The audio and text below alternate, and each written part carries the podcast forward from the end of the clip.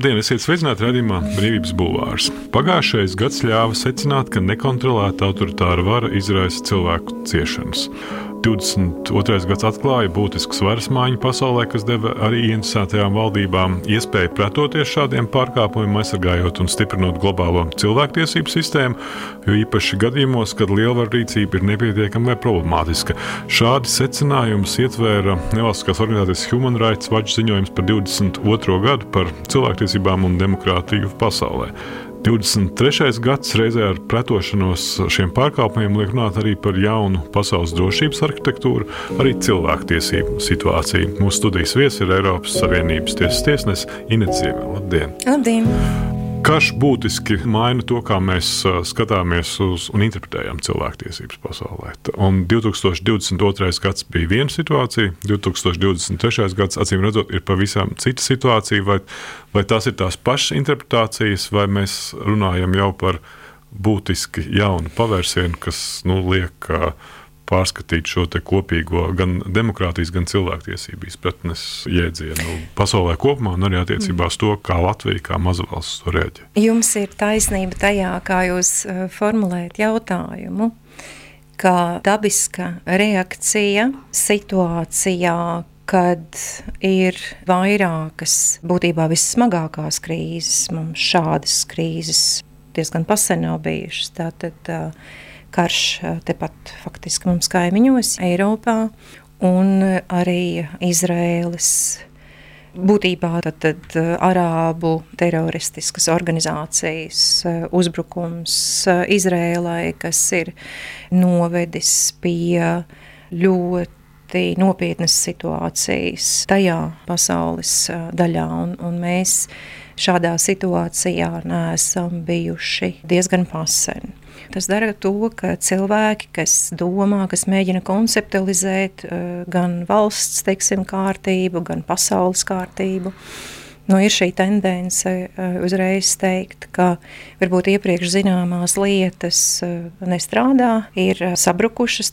Es uzreiz gribu teikt, ka tā tas nav. Trīs pilāri, uz kuriem turās rietumu pasaules skatījums, demokrātiska valsts iekārta, tiesiskums, cilvēktiesība aizsardzība.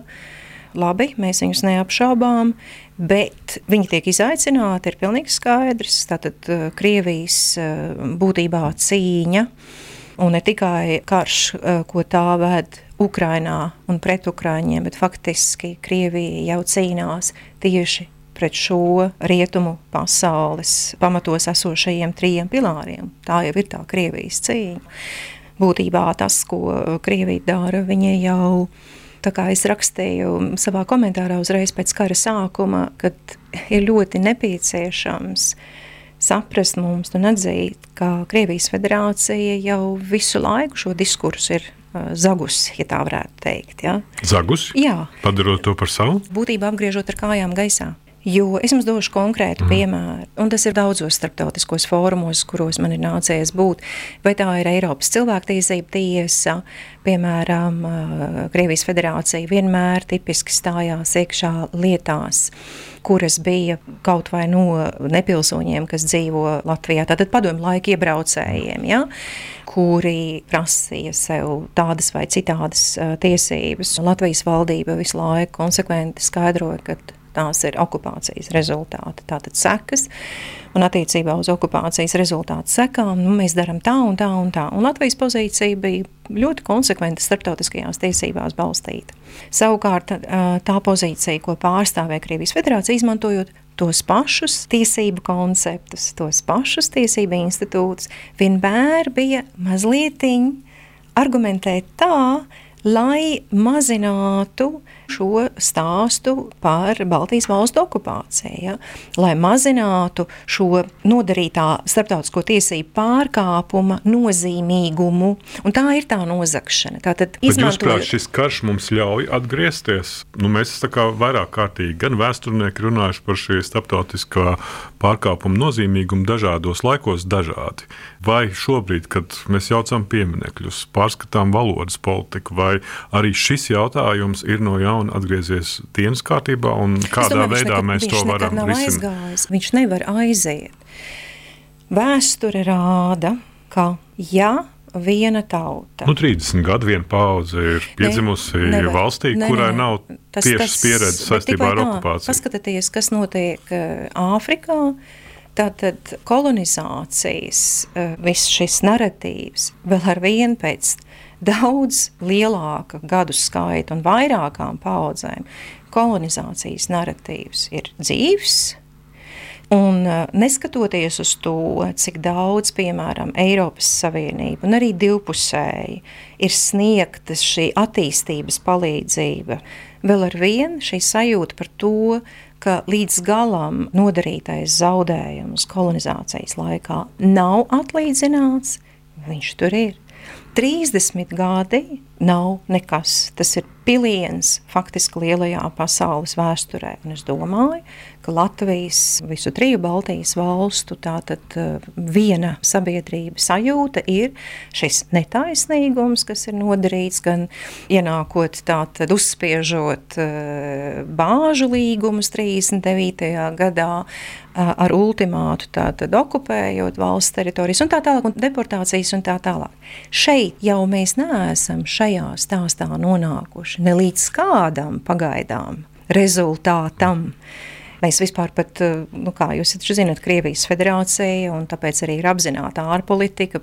Es jums minēju, Eiropas cilvēktiesību tieslīdz, tā ir apzināta politika, ļoti labi organizēta, citas starp visos fórumos, ANO, Eiropas padomē un citur, kur pa mazam solītim ar mazu pilināšanu visu laiku ir mēģinājums šo stāstu par pretiesisko okupāciju mazināt kā kaut kādu baltiešu paranoju, ja, kā kaut ko tādu, kas vairs nav aktuāls, jo lūk, ir citas tiesības, kas ir aktuālākas. Nu, bieži vien arī kultūrā bija diskusija par to, cik ilgi mēs nu, šo upura tēlu sevī nesīsim un uh, domāju, tas, akumulēsim jā, jā, dažāda veida. Tas, tas nav stāsts formātos. par to, ka mums vajadzētu visu laiku uh, justies kā upuriem un to multiplicēt. Tas ir stāsts par to, ka sabiedrība jau nevar atvesaļoties un atkopties, ja taisnīgums nav iestājies. Tik cik es to redzu, un starptautiskajās tiesībās nu, ir šī viens aspekts, ir jāredz šīs lietas, ja, kas ir noticis tautu attiecībās. Tik vienkārši zem paklājiņa nolikt to nevar. Lai arī kā gribētos vai negribētos. Tas jebkurā gadījumā nāks uz ārā. Nu, Latvijā, piemēram, es eh, redzu dažādas negācijas, kas, kas mums ir sabiedrībā. Nu, tās ļoti spilgti ir saistīts ar to, ko mēs esam piedzīvojuši kā tauta. Radījums Brīvības Bulvārs. Sarunas par to, kas notiek un ko mēs par to varam domāt.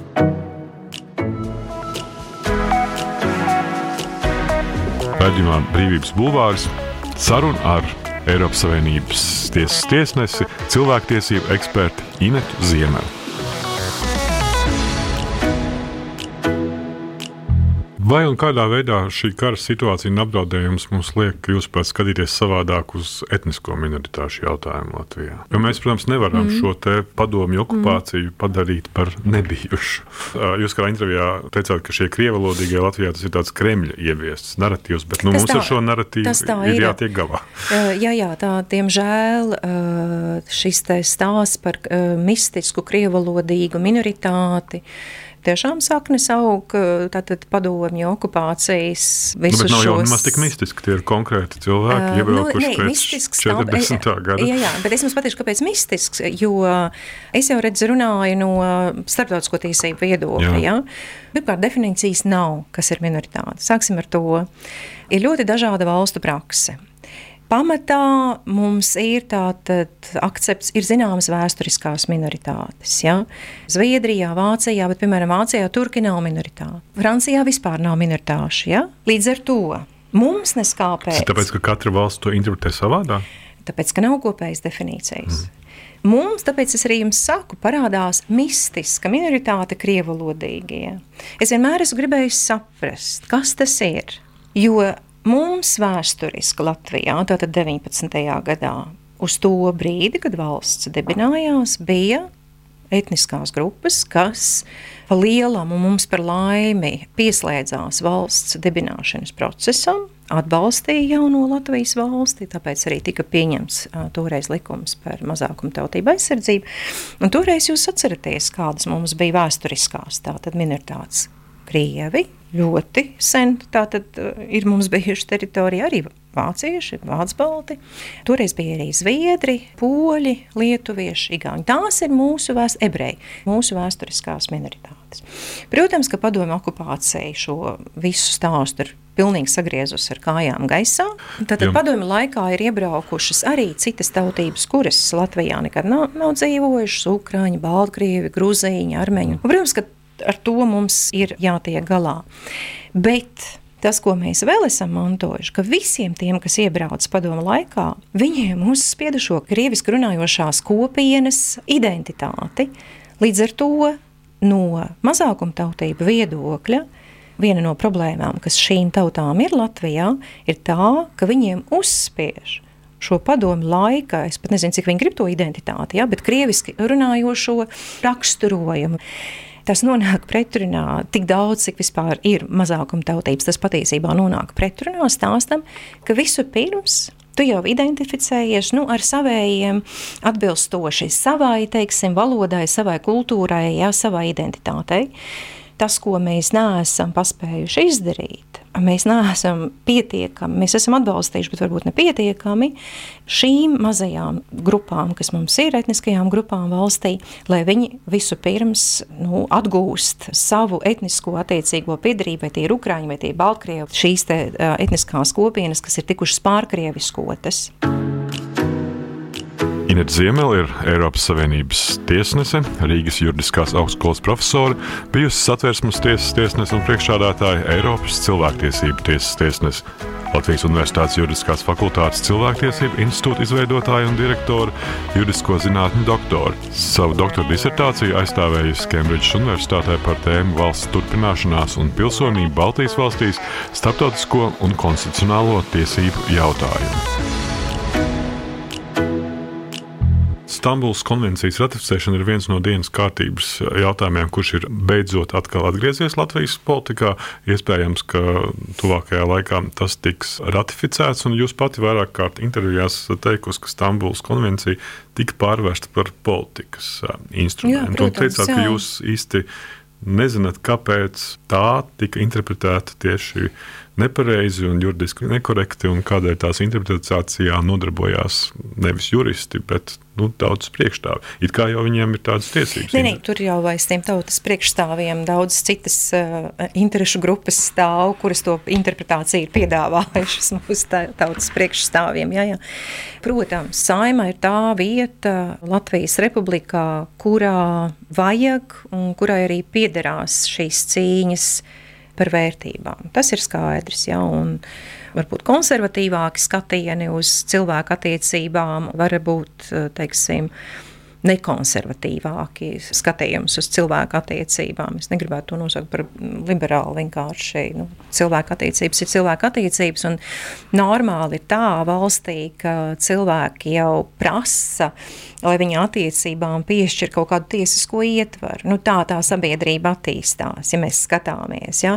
Savā starpā mēs lūk, runājamies, veidojam kaut kādus projektus, un vienmēr šī mūsu radošums un varbūt mūsu ekonomiskā darbība kaut kādā brīdī novadīs pie tā, ka prasīs tieksim, tam priekšstāvim, kur mēs esam izvēlējušies par priekšstāvu, ja? nu, noregulēt tiesiski to, ko mēs tā esam sastrādājuši, un izsver varbūt tās nedaudz, ja? kā darbojās tā tā mehānika, ja, modernās sabiedrības, no kurienes tās tiesības nāk un tas tiesiskais regulējums. Un šeit ir tā valstiskā atbildība. Piemēram, kāpēc satversmes tiesa diezgan bieži spriedumos ir teikusi, ka likumdevējam ir pienākums turēt roku uz pulsa sabiedrībā. Likumdošana jau ir nepārtraukts process, un kāpēc viņš ir nepārtraukts? Jo cilvēks nepārtraukti darbojās. Ja? Tāpēc tam likumdevējam jāzina, ko tas cilvēks tur dara, cik tas ir jēgpilni un vai ir nepieciešams vispārējais regulējums, kas paņem to labo praksi un saka, nu, mēs visi tā varam darīt, un tas ir tātad tiesiski. Nu, tā ir tā mehānika. Nu, likumdevējiem ir jābūt reāli visā tajā iekšā. Attiecībā uz uh, Stambulas konvenciju tur nav absolūti nekā jauna zem saules, es tā to gribētu teikt. Ja? Es vairāk kārt esmu norādījusi, ka Stambulas konvencija arī ir viens uh, regulējums, jā, starptautisks regulējums par to, kādā veidā lai nodrošina cilvēku drošību privātajās attiecībās. Ja? Kā lai mēs neatgriežamies viduslaikos, vai ne, kad cilvēks cilvēkam bija labākā uzskoda, tur jau nav nekā cita. Tas ir stāsts par to, ka valsts skatās ar visiem sev pieejamiem mehānismiem, kurus vienkārši privāta personai nav, lai arī privāta persona attiecībās, nu tātad ģimenes attiecībās, ja, lai būtu drošība, jo no vienas puses eh, mēs jau veidojam ģimeni, meklējam šīs ģimenes attiecības vēsturiski, lai mums rastos nu, tāda drošība. Ģimene ir pirmais, ja tā varētu teikt, cilvēku organizēšanās veids, kas arī sniedz šo zināmo drošību. Ja? Gan ekonomisko drošību, ne, gan arī teiksim, psiholoģisko labsajūtu un arī fizisko drošību. Bet kas notiek tad, ja ģimene, šī pirmā organizēšanās forma, nu, to nenodrošina?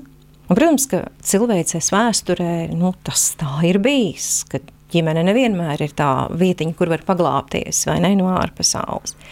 Līdz ar modernas valsts izveidošanos un rietumu teiksim, pasaules uzskatā, tad izveidojot cilvēktiesību aizsardzības mehānismus, mēs esam pateikuši, ka tas ir valsts pienākums tādā gadījumā. Jo cilvēks ir vērtība, katrs cilvēks ir vērtība, un tas ir valsts pienākums arī tad iejaukties tajās ģimenes attiecībās, kuras, protams, visādi citādi ir svētas un aizsargājums, bet iejaukties cilvēku attiecībās, ja šīs eh, ģimenes attiecības kļūst toksiskas faktiski un, un nedrošas. Kas ir tas uh, politiskais uh, instruments, kāpēc šīs Stambuls konvencija jūs pat kļūst par tādu politisko instrumentu? Kam tas? Jo Jo mēs pat konvencija jau radusies arī dēļ tā, ka nu, mainās sabiedrībā vērtība izpratne kopumā. Cilvēka drošība ir vērtība. Jā, vienalga kādās attiecībās, vai tu esi attiecībās ar valsti, vai tu esi attiecībās ar otru cilvēku. Mm. Katrā ziņā rietumu sabiedrība mēs nepieļaujam tagad situāciju, ka uh, tu ies pa ielu un pēkšņi sāksi otru cilvēku sist. Jā, nu, mm. tad uzreiz kaut kam ir jāiestājās. Jā, Bet, ir... nu, tā jūs izbrīns par to, ka tas ir kļuvis nevis par juristu interpretācijas jautājumu, jautājumu, bet kļūst par Jā. politisko uh, nē. Tur ir, protams, apakšā ir uh, arī lielas gan ideoloģiskas cīņas, gan vēl ar vienu, jums taisnība, vēl ar vienu vērtību cīņas, ja? Es domāju, ka tā cīņa vēl ar vienu ir par sievietes lomu sabiedrībā, vēl ar vienu par sievietes neatkarību un sievietes integritāti, Un mēs ļoti labi zinām, ka Latvija, protams, nav vienīgā valsts, un, un mēs neesam vienīgā sabiedrība, kurā vēl ar vienu uh, ir tendence, es nezinu, vai lielākam vai mazākam cilvēku skaitam, tomēr pateikt, ka sievietei ir atvēlēts dzīvē tas un tas un tikai tas, ja? un tās ir šīs cīņas, kā mēs sevi saprotam kā cilvēku, Pirmkārt, katrs, ja, kā mēs saprotam, nu, kāda ir tā mūsu sūtība šajā pasaulē. Mēs ļoti atšķirīgi katrs sevi saprotam. Ļoti, jā, bet tas tomēr ir jā. mazliet no tāda politoloģiskā viedokļa jautājums, vai vispār nu, šie narratīvi, kas ir ietverti šajā konvencijā, vai tie vispār ir tie, kuri uz vēlētāju šobrīd uzrunā, vai tie ir viņu prioritāšu sarakstā, vai viņi netiek nu, kaut kādā ziņā mākslīgi kultivēti, lai protams, to darītu dienu. Es, tad jautājums, kādēļ? Tas ir tas, ko es tajā intervijā jā. mēģināju teikt, ka, protams... Vai kāds no ārpuses to jā, importē jā, jā, vai nu tas, tas tiek, kā saka, iepilināts tieši tā. Nu, redzat, attiecībā uz Krievijas federācijas teica, ka viņi mēdz nozakt starptautiskās tiesības, jā, gan sava pasaules gan skatījuma. Gan arī kā šo krievalodīgo burbuli. Tieši tā, jā, un, un arī mēs šeit redzam, ka šajā gadījumā gadījumā, protams, ka Stambuls eh, konvencija nu, reāli manā skatījumā nav nekas jauns. Tas ir par uh, stāsts par vienlīdzību sievietes, vīriešu starpā un kur nu vēl labāku lietu vai ne, un par drošību. Un, protams, statistiski sievietes ir tās, kas visvairāk arī cieš jā, šajās uh, ģimenes attiecībās, un tāpēc Stambuls konvencija ir par vardarbības novēršanu ģimenē attiecībā uz sievietēm, jo vēsturiski tā tas ir izveidojies, ka, diemžēl, sievietes ir tās vājākās šajā attiecībā. Bet, nu, nevienmēr ir arī, ir arī mums bija, bija lieta Eiropas cilvēktiesību tiesā pret Turciju, kur mēs citas starp spriedumā arī ierakstījām, ka, protams, arī vīrieši cieši ģimenes attiecībās. Kā saka, uz pasaules jau viss, visu var redzēt. Tieši Baltijas valstu liktenī ļoti svarīga loma bija Keloga Briāna paktam, kas aizliedz spēka lietošanu kā valsts politikas līdzeklis starpvalstu attiecībās. Spēka lietošanas aizliegums valstu attiecībās kļuva par vienu no fundamentālajiem principiem ANO statūtos. Jāpiebilst, ka Baltijas valstis ir cietušas no spēka lietošanas, un tieši tāpēc, ka spēka lietošana ir aizliegta, tās varēja atgūt savu neatkarību un uzturēt prasību par 1918. gada valsts turpināšanu pēc 50 gadu ilgas okupācijas ar visām izrietošajām sekām. ANO statūta aizliedz spēku vai draudu lietošanu valstu attiecībās, un Startautiskā tiesa Hāgā ir secinājusi, ka kopš šī principa nostiprināšanās starptautiskajās tiesībās tas ir iegūs vispār obligātu raksturu. Citiem vārdiem, šodien tā ir konstitucionāla rakstura norma ar konkrētiem pienākumiem visām pasaules valstīm. Tā Latvijas vēstnesī 2003. gadā rakstīja Ineta Ziemela. Bet to kanta izpratni par brīvību to laikam Krievija nevar mums nozagt, vai var? Nu, redz, tas jau ir tas lielais jautājums. Par to jau arī tās cīņas šobrīd notiek. No vienas puses, es neesmu pārsteigta, varbūt, ka viņas notiek. Man bija tāda sajūta jau vairākus gadus atpakaļ, ka nevar būt tā, ka tas miers relatīvais ir tik ilgstošs. Cilvēku sabiedrībā, nu, vēsturiski mēs skatāmies, nu, tā nav bijis, diemžēl. Un man tā sajūta bija, ka kaut kur kaut kam ir jāsprāgst, jālūst. Ja?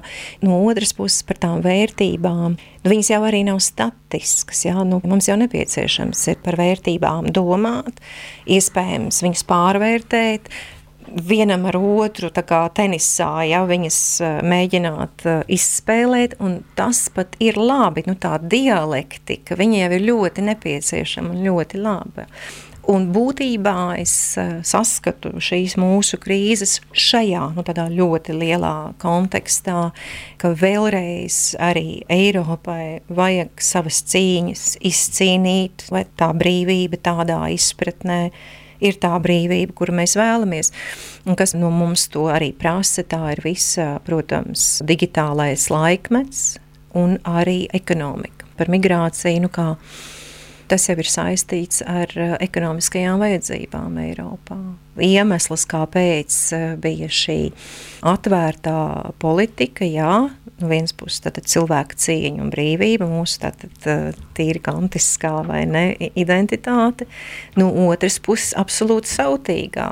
Kādam ir jādarbina lielās Eiropas ekonomikas. Un mums pašiem ar saviem resursiem nepietiek. Tad radās šī spriedze, gala beigās, ja, kas mums liek atkal nu, pārjautāt, vai tas pasaules skatījums, kas mūs visu laiku ir vadījis, nu, vai tas tas īstais ir. Atgriežoties pie Krievijas un Ukrainas jautājuma, pagājušā gada nogalē jūs teicāt, ka Krievijas agresija Ukrainā ir tāda cilvēks iespēja veidot kopēju mm. pieeju reaģēšanai uz šādu veidu noziegumiem. Un arī tajā brīdī radās šī ideja par speciālu starptautisku tribunālu, līdzīgi kā Nīderlandes prāvai savulaik pēc otrā pasaules kara. Pie kādiem nosacījumiem, jūsuprāt, nu, tāds Nīderlandes tribunāls mm. būtu iespējams šobrīd? Jā, nu, diemžēl tā mana vēlme toreiz tādu sudraba maliņu saskatīt eh, šajā nu, milzīgajā katastrofā. Viņu šobrīd nav vēl piepildījusies un ir smagi Nu, labi, es, protams, neesmu nec valdībā, nec ministrijās. Nezinu, kas notiek eh, tādā starpvaldību līmenī sarunās, bet man toreiz bija tāda cerība, jo, redzat, ja es pat skatos, kas notiek, piemēram, Gazā, ja, Krievijas federācija vēl ar vienu ir pastrādājusi un turpina pastrādāt nu tik rupju starptautisko tiesību pārkāpumu, nu, kāds reāli nav bijis. Līdz ar to arī nav judikatūras. Sen, sen nav bijis tāds. Nu, nu, vienkārši nu, neviens tik brutāli neņem un neiet kaimiņos iekšā uh, ar visu savu arsenālu. Tas tik tiešām ir, ir brutāli. Un ne tikai ar to, bet ar atklāti pasakot, ka viņi iznīcinās Ukrainu un Ukrainu tautu. Un ka Ukrainas tautai nav tiesības eksistenci. Šādu mēs neesam dzirdējuši. Tas tiešām pieder 19. gadsimtam. Un tāpēc es vēl ar vienu esmu tajās domās, ka vienīgais veids, jo arī šo vajadzēs atrisināt, Ukrainas, mēs, mēs ļoti maz par to domājam, bet jūs iedomājaties visai tautai, un īpaši bērniem, kas tā ir par traumu. Ja mēs ar savējo okupācijas traumu netiekam galā, man ir bailes iedomāties, kas pēc šī kara sekos, cik viņiem būs grūti. Nu, pie visa tā mantojuma, ka viņi jau nīcināti arī ir uh, gadsimtiem. Ja? Un līdz ar to šādā kontekstā tas ir absolūti imperatīvi nepieciešams, lai būtu šāds speciālais Krievijas tribunāls. Tas būtu nu, viens veids, kā varbūt tās tā sistēmiski aptvērt pirmkārt uh, Krievijas atbildības definēšana un arī, arī reparācija, izlemšana, teiksim, jo tur jābūt spriedumam apakšā, ja, no kurienes un kā un kāpēc tātad šos līdzekļus iegūt, nodot uh, Ukraiņai. Bet attiecībā uz šo tribunālu iespējamību pret Krieviju, šo valsts savstarpējo vienošanos šādu tribunālu realizēt, kādā ziņā nu, karš Izrēlā to palēnina, apgrūtina un padara atliek uz ilgāku laiku nekā tas varbūt būtu iespējams bijis pirms gada? Es, protams, nevarēšu līdz galam atbildēt uz šo jautājumu. Es tikai redzu, ka mums ir resursa problēma. Pareizāk sakot, vispirms jau kapacitātes jautājums. Jo redzat, modernā pasaules kārtība tā parādās ANO statūtos, arī vispārējā cilvēktiesību deklarācijā. Ja? Nu, tā ir tā vīzija, kas ir eiropeiska, protams, saknes nāk no Eiropas, lai cik tas nebūtu interesanti, neskatoties uz visu kolonizācijas teiksim, vēsturi. Pasaules kārtības tātad avots ir rietumu pasaules doma un izpratne par to, kā mēs tagad varētu mierā sadzīvot, lai kaut kādu labklājību radītu, lai cilvēks var attīstīties, radīt. Un tātad pamatos ir šie divi dokumenti. Nu, man jau izskatījās, ka visas valstis, tātad 193 valstis šobrīd, tās, kas vēlējās kļūt par ANO dalību valstīm, šo pamatu pasaules tātad kārtību tādā izpratnē, to var uz sevīm attiecināt. Ja? Vēl vairāk, iespējams, pasaules teiksim, reģioni un vietas, kuri tā to neuzskata ka šis ir būtiski, bet pasaules kārtība, tātad starptautiskās tiesības, tik tiešām balstās šajās trijās lietās Eiropas faktiski konstrukts, nu, vēsturiski tā tas sanāca, ja Kants bija pie mums, un par cilvēka brīvību mēs runājām pie mums, un tad mēs to projicējām jau uz pārējo pasauli. Nu, vajadzēja, nevajadzēja, vai visiem tas ir vajadzīgs, nu, es nezinu, man grūti pateikt. Es jau gribētu domāt, ka katrs cilvēks vēlās eh, būt brīvs un izmantot savas tiesības, bet ir pilnīgi skaidrs, ka ir valdības, kuras kuras nevēlas, lai viņu cilvēki būtu brīvi un varētu brīvi attīstīties, pilnveidoties jā, un piedalīties politikas procesos. Ka vieglāk, protams, ir sēdēt vienam augšā tornī jā, un, un pateikt, es darīšu tā, un, un valsts līdz ar to, ja es esmu valsts. Paldies, tā bija Eiropas Savienības tiesas tiesnese Inets Ziemels studijā. Mans vārds Kins Grūbe. Raidījumu ierakstīja Toms Šits un Monteja Nora Mitspa. Paldies! Paldies! Brīvība ir brīvība, nevienlīdzība vai taisnīgums, vai kultūra vai cilvēks laime. Tā teica Iesai Berlīns. Sarunas ar brīvas apziņas un ideju cilvēkiem - radījumā Brīvības bulvārs.